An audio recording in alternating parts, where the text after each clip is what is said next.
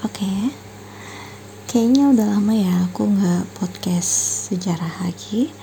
Kali ini aku mau coba podcast sejarah lagi, tapi tentang kakawin-kakawin yang kita tahu atau yang mungkin kalian belum tahu. Kalau kakawin negara Kertagama, kalian pasti sudah tahu. Dan nanti suatu saat aku akan bikin podcast tentang kakawin tersebut. Nah, kita ke kakawin yang lain ya. Oke, yang pertama kakawin Sutasoma. Pasti kalian pernah dengar dong kakawin Sutasoma. Kakawin Sutasoma adalah sebuah kakawin dalam bahasa Jawa kuna. Kakawin ini termasyur sebab setengah bait dari kakawin ini menjadi moto nasional Indonesia yang tak lain dan tak bukan adalah Bhinneka Tunggal Ika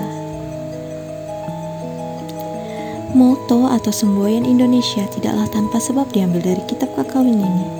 Kakawin ini mengenai sebuah cerita epis dengan Pangeran Sutasoma sebagai protagonisnya.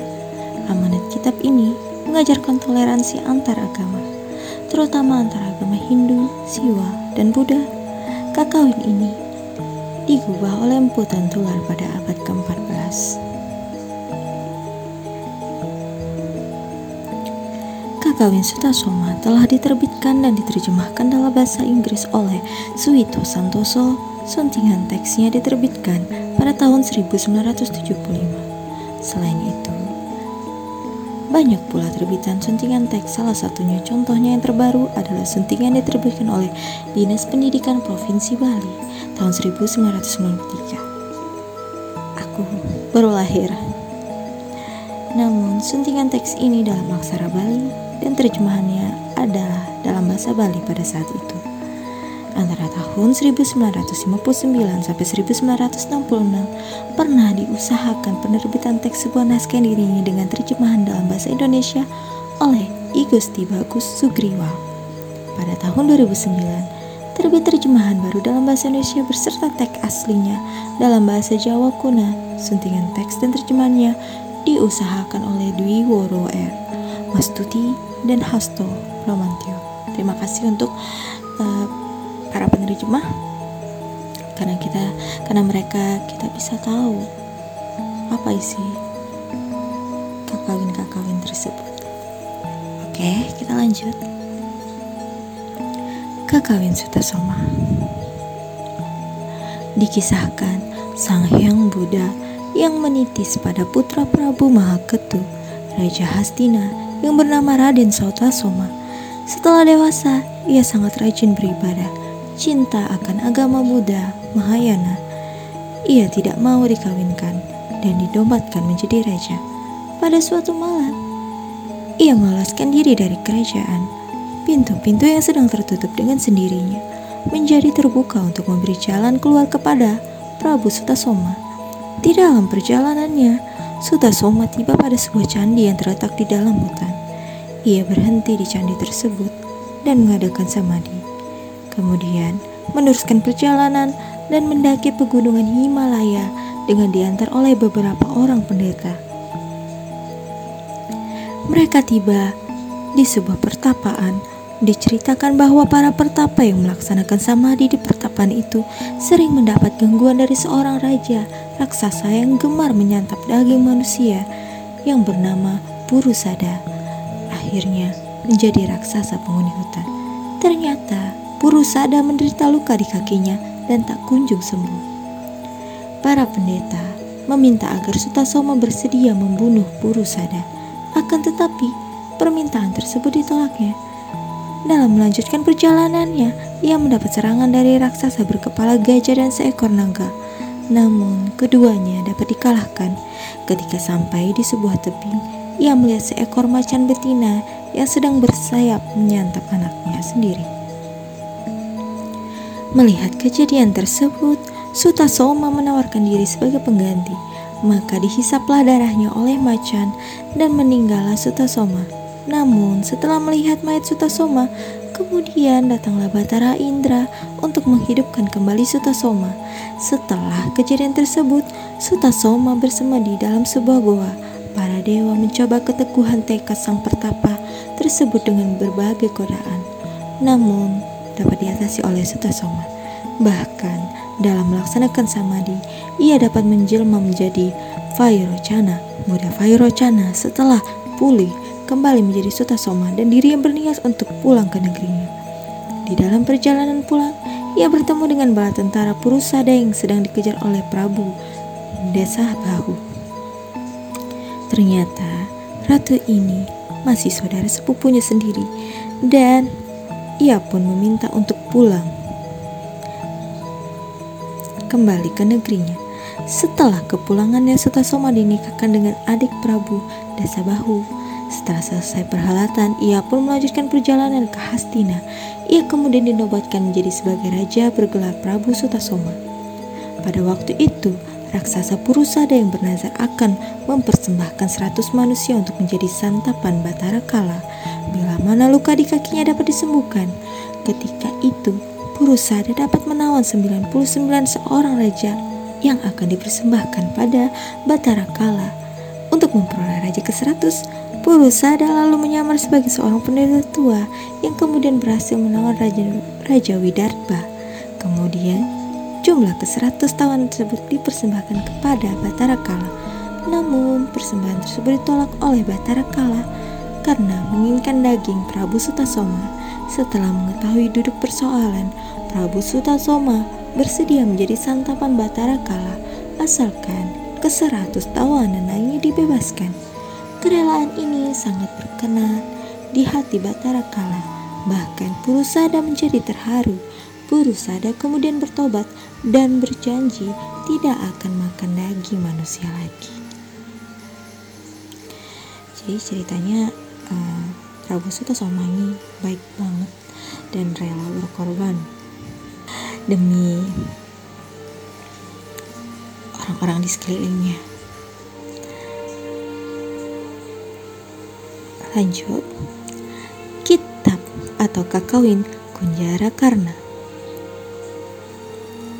Menurut Dr. W.K. Dharma, kitab Kunjara Karna terdiri dari dua redaksi, yakni dalam bentuk kakawin dan dalam bentuk prosa. Kitab Kunjakarna hingga saat ini belum diketahui siapa pengarangnya.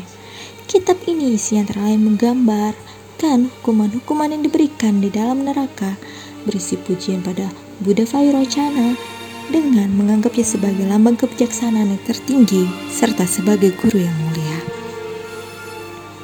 Kakawin Kunjara Karna Dalam keadaan hati yang bimbang, Kunjara Karna pergi menemui Buddha Vairocana untuk menerima pelajaran Dharma dari beliau.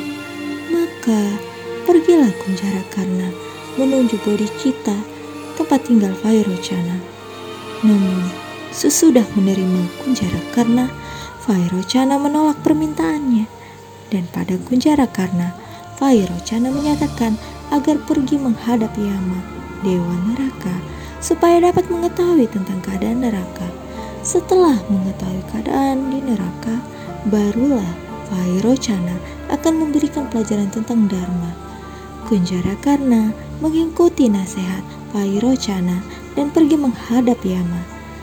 Sesudahnya bertemu, kemudian menguraikan maksud kedatangannya, Yama kemudian memberikan ilmu-ilmu yang diperlukan.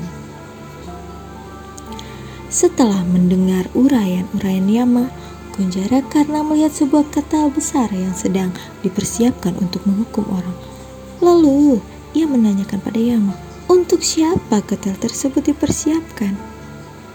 Jawaban Yama sangat mengejutkan, karena Ketel tersebut dipersiapkan untuk Purnawijaya seorang Widyadara yang tak lain adalah temannya sendiri. Sesudah mendapatkan perintah dari Yama, lalu segera kembali menjumpai Buddha Vairocana. Setelah itu, Kunjara Karna pun meninggalkan dunia neraka. Kunjara karena tidak segera menghadap Vairocana dan malah pergi menemui temannya, Purnawijaya, dengan maksud memberitahukan pada Purnawijaya tentang keadaan apa yang telah dilihatnya di dunia neraka. Setelah memperoleh berita dari Kunjara karena Purnawijaya sangat terkejut dan meminta nasihatnya. Lalu Kunjara karena menjawab bahwa ia tidak dapat menolong Purnawijaya karena diri Purnawijaya belum dibersihkan dari dosa-dosa yang telah diperbuat. Ia kemudian mengajak Purnawijaya untuk bersama-sama menemui Pairocana di Bodhicitta. Sesampai di Bodhicitta, Kunjara Karna menyuruh Purnawijaya untuk sembunyi terlebih dahulu setelah dirinya menghadap Pairocana terlebih dahulu. Setelah memohon pada Pairocana agar diberikan pelajaran tentang ilmu kesempurnaan hidup untuk dapat mencapai kebahagiaan sambil menyinggung-singgung tentang keadaan Purnawijaya setelah menerima pelajaran dari Vairocana. Ia pun mohon diri dan kembali ke tempat Purnawijaya yang menyembunyikan diri. Kemudian, tibalah giliran Purnawijaya untuk menghadap Vairocana untuk mengajukan permohonan. Oleh Vairocana, Purnawijaya kemudian diberikan pelajaran menerima pelajaran tersebut, segera lenyap semua nafsu yang melekat pada dirinya yang menyebabkan ia berbuat dosa. Walaupun demikian, Purnawijaya belum dapat tertolong dari maut. Oleh karena itu, dosa-dosa yang pernah dibuatnya, akhirnya Purnawijaya masuk neraka, tetapi tak akan lama di dunia neraka. Hanya 10 hari saja Hal itu perlu dilakukan untuk membersihkan diri dari dosa-dosa yang pernah diperbuatnya. Setelah menerima pelajaran dari Pairocana, terhiburlah hati Purnawijaya. Kemudian, dengan semangat Purnawijaya berlatih keras dalam samadhi dan dhyana, sesuai dengan pelajaran yang telah diterima dari Vairocana, didampingi istrinya Gandawati, Purnawijaya lalu berpesan, apabila ajalnya tiba, istrinya yang harus mengurus dan menjaga mayatnya selama 10 hari. Karena setelah 10 hari, ia akan bangun kembali. Saat yang nanti-nanti pun tiba, jiwa meninggalkan tubuh, diikuti oleh sebuah bayangan yang merupakan akibat dosa yang telah perbuatnya. Pergi ke dunia neraka menghadap pada Yama. Sesampainya di neraka oleh para pengawal neraka, Purnawijaya segera dilemparkan dalam ketel panas itu. Namun, sekonyong-konyong ketel tersebut pecah dan hancur lebur. Dan tempat tersebut muncul sebatang pohon surga dikeliling kolam dan bunga teratai yang amat indah. Para Para pengawal neraka sangat terkejut dan melaporkan kejadian tersebut kepada Yama. Kemudian bertanyalah Yama pada Purnawijaya tentang kejadian tersebut. Setelah mendapatkan penjelasannya dari Purnawijaya, Yama lalu mengizinkan Purnawijaya untuk kembali ke asal tubuhnya. Setelah bangun kembali, Purnawijaya lalu mengambil semua, memanggil semua Wiyadara dan Wiyadari untuk menceritakan apa yang telah terjadi. Kemudian mengajak mereka semua untuk menghadap Vairocana dan menyampaikan puja-puji untuknya. Yang ketiga, Kitab Sang Hyang Kamayanikan. Sang Hyang Kamayanikan adalah merupakan sebuah literatur agama Buddha yang sangat erat hubungannya dengan agama Buddha, Mahasab Tantrayana di Indonesia. Kitab Sang Hyang Kamayanikan ini seluruhnya berisi 129 ayat. Bagi sebagian besar umat Buddha, isi dari kitab tersebut masih merupakan suatu kendala untuk dimengerti dan berada di luar kemampuan pikiran mereka. Menurut penelitian yang pernah dilakukan oleh kitab Sang Hyang Kamayanikan, tersusun antara tahun 929 sampai 947 Masehi oleh Empu Sri Sambara Surya Warama dari Jawa Timur sebagai penerus dari kerajaan Mataram yang bergeser ke Jawa Timur.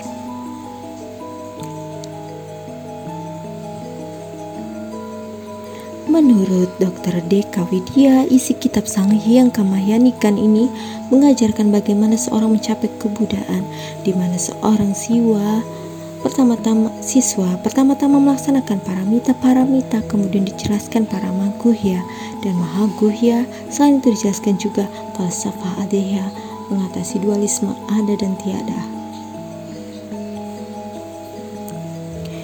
Di samping itu, dapat diperoleh tambahan informasi berupa hasil wawancara dengan dua orang tokoh Tantrayana yakni Ye Rinpoche Zurmang Garwang dari Sikkim, India dan Ye Ari Ponch Losang Nguduk dari Myoser, India.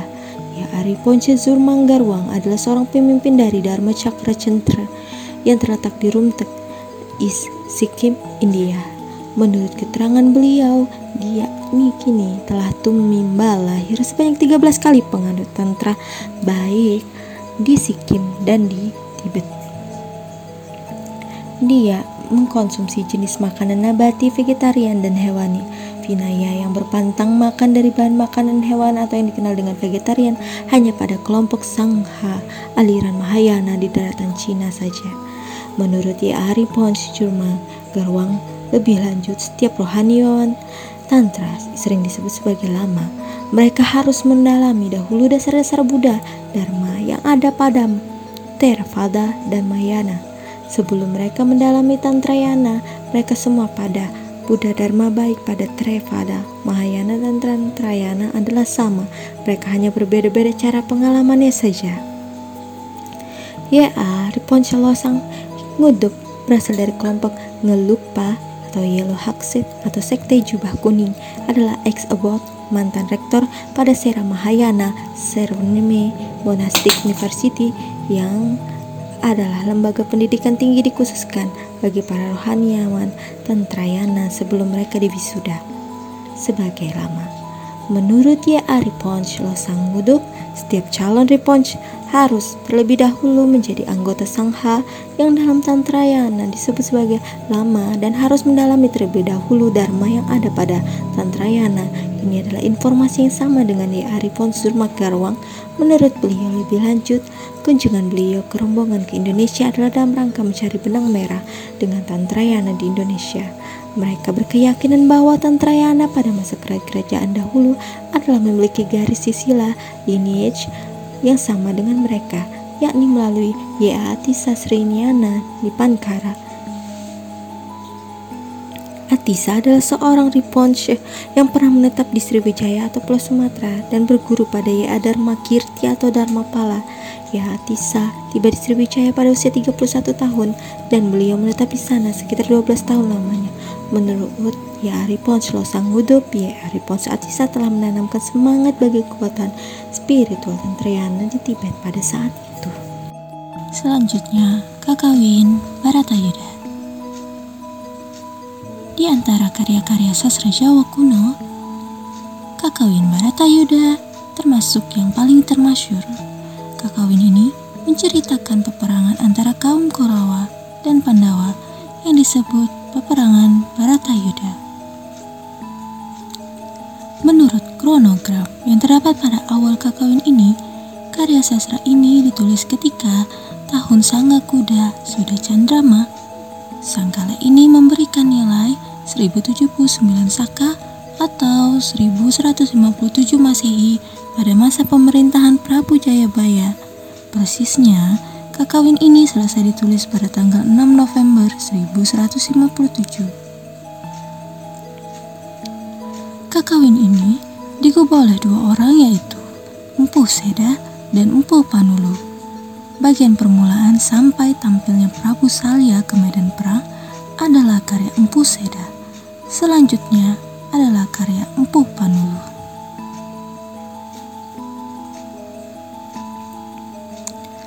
Konon, ketika Empu Seda ingin menuliskan kecantikan Dewi Setiawati, yaitu permaisuri Prabu Salya, ia membutuhkan contoh supaya dapat berhasil.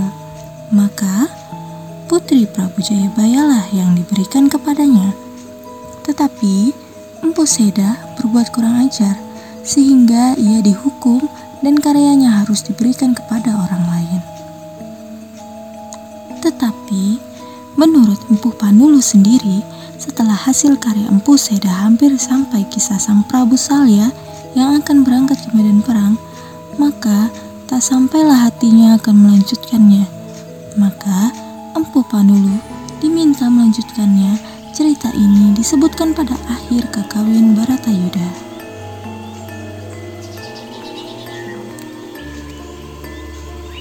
Kakawin Baratayuda adalah salah satu dari beberapa karya sastra Jawa kuno yang tetap dikenal pada masa Islam. Dalam pertunjukan wayang, beberapa bagian dari Baratayuda dinyanyikan sebagai bagian dari nyanyian suluk. Bahkan juga dalam pertunjukan wayang yang bernafaskan Islam, misalkan cerita wayang menap. Jadi, ini ceritanya kakawin ini dari masa kerajaan Hindu Buddha namun tetap dipakai sampai mungkin sampai sekarang ya walaupun atau dalam masa-masa kerajaan Islam tetap dipakai. Jadi ada beberapa cuplikan dan bait yang sering dipakai dalam pertunjukan wayang terutama dalam wayang cuplikan yang sering dipakai dari pupu kelima bait satu. Ini aku bacain pupuhnya maksudnya kata-katanya. Ini dalam bahasa Jawa kuno. Jadi kalau misalnya aku salah baca salah irama salah intonasi salah bait atau salah bacanya lah caranya ya mohon dimengerti dan dimaafkan karena saya pernah diajari hal yang seperti ini juga. Jadi saya benar-benar belajar sendiri. Jadi tapi kalau misalnya dari kalian ada yang ngerti cara bacanya atau yang gimana tolong diajarin sayanya. Jadi saya bisa lebih baik lagi dalam membawakan dalam membacakan podcast secara kalau yang misalnya ada tulisan-tulisan Jawa kunonya. Oke bacain. Pupuh 5 Bait 1 Leng-leng Rameanikang Sasangka Kumenar Mangrengga Rumning Puri. Sinar bulan yang menawan sungguh menambah keindahan puri. Mangkintan Pasiring Halep Nikang Umah Maswir Murup Ring Langit Tiadalah bandingan keindahan pavilion emas yang bersinar-sinar seakan-akan berkilau di langit. Tekwan sarwa manik, kawingnya sinawung seksat, sakarning suci. Dinding-dindingnya terbuat dari batu-batu ratna manikam yang dirangkai bagaikan bunga. Ungwan, banu matian amrem, alango, muang nata duryodana tempat sang Banu mati dan Prabu Duryodana tidur dalam cinta. Kakawin-kakawin yang tetap hidup dan dikenal dalam kesusastraan Jawa Baru ialah Kakawin Ramayana, Kakawin Arjuna Wiwaha, Kakawin Barata Yuda, dan Kakawin Uttarakanda. Sedangkan Empat kakawin tersebut bersama-sama dengan kakawin lainnya tetap dibaca dan hidup di Pulau Bali dan di Pulau Lombok. Entah bagaimanapun, kita sebagai orang Jawa, ya saya juga termasuk Jawa.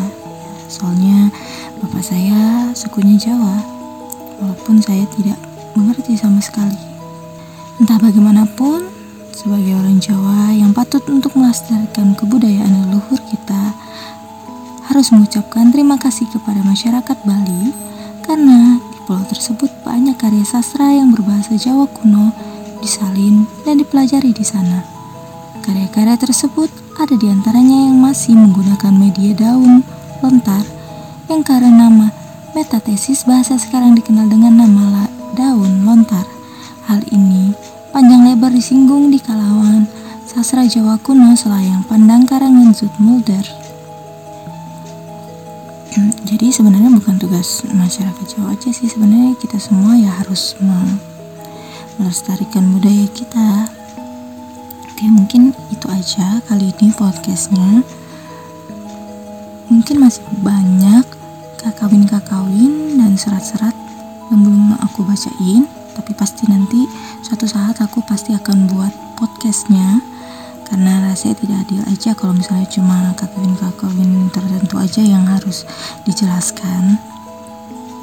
Jadi aku berusaha untuk menjelaskan semuanya dan juga kisah-kisah sejarah itu aku berusaha nggak cuma kisah sejarah kerajaan yang ada di Jawa aja aku berusaha untuk menceritakan semua yang ada di Indonesia sejarah Indonesia. Jadi saya tetap butuh bahan jadi saya harus mengumpulkan bahan-bahannya jadi mohon maaf kalau misalnya aku lama upload podcastnya karena memang benar-benar harus ngumpulin bahan yang supaya tidak salah informasi dan salah persepsi bagi sebagian orang. Oke itu aja, terima kasih udah dengerin podcast ini. Nanti bisa, semoga aku bisa cepat upload podcast selanjutnya. Oke, salam budaya.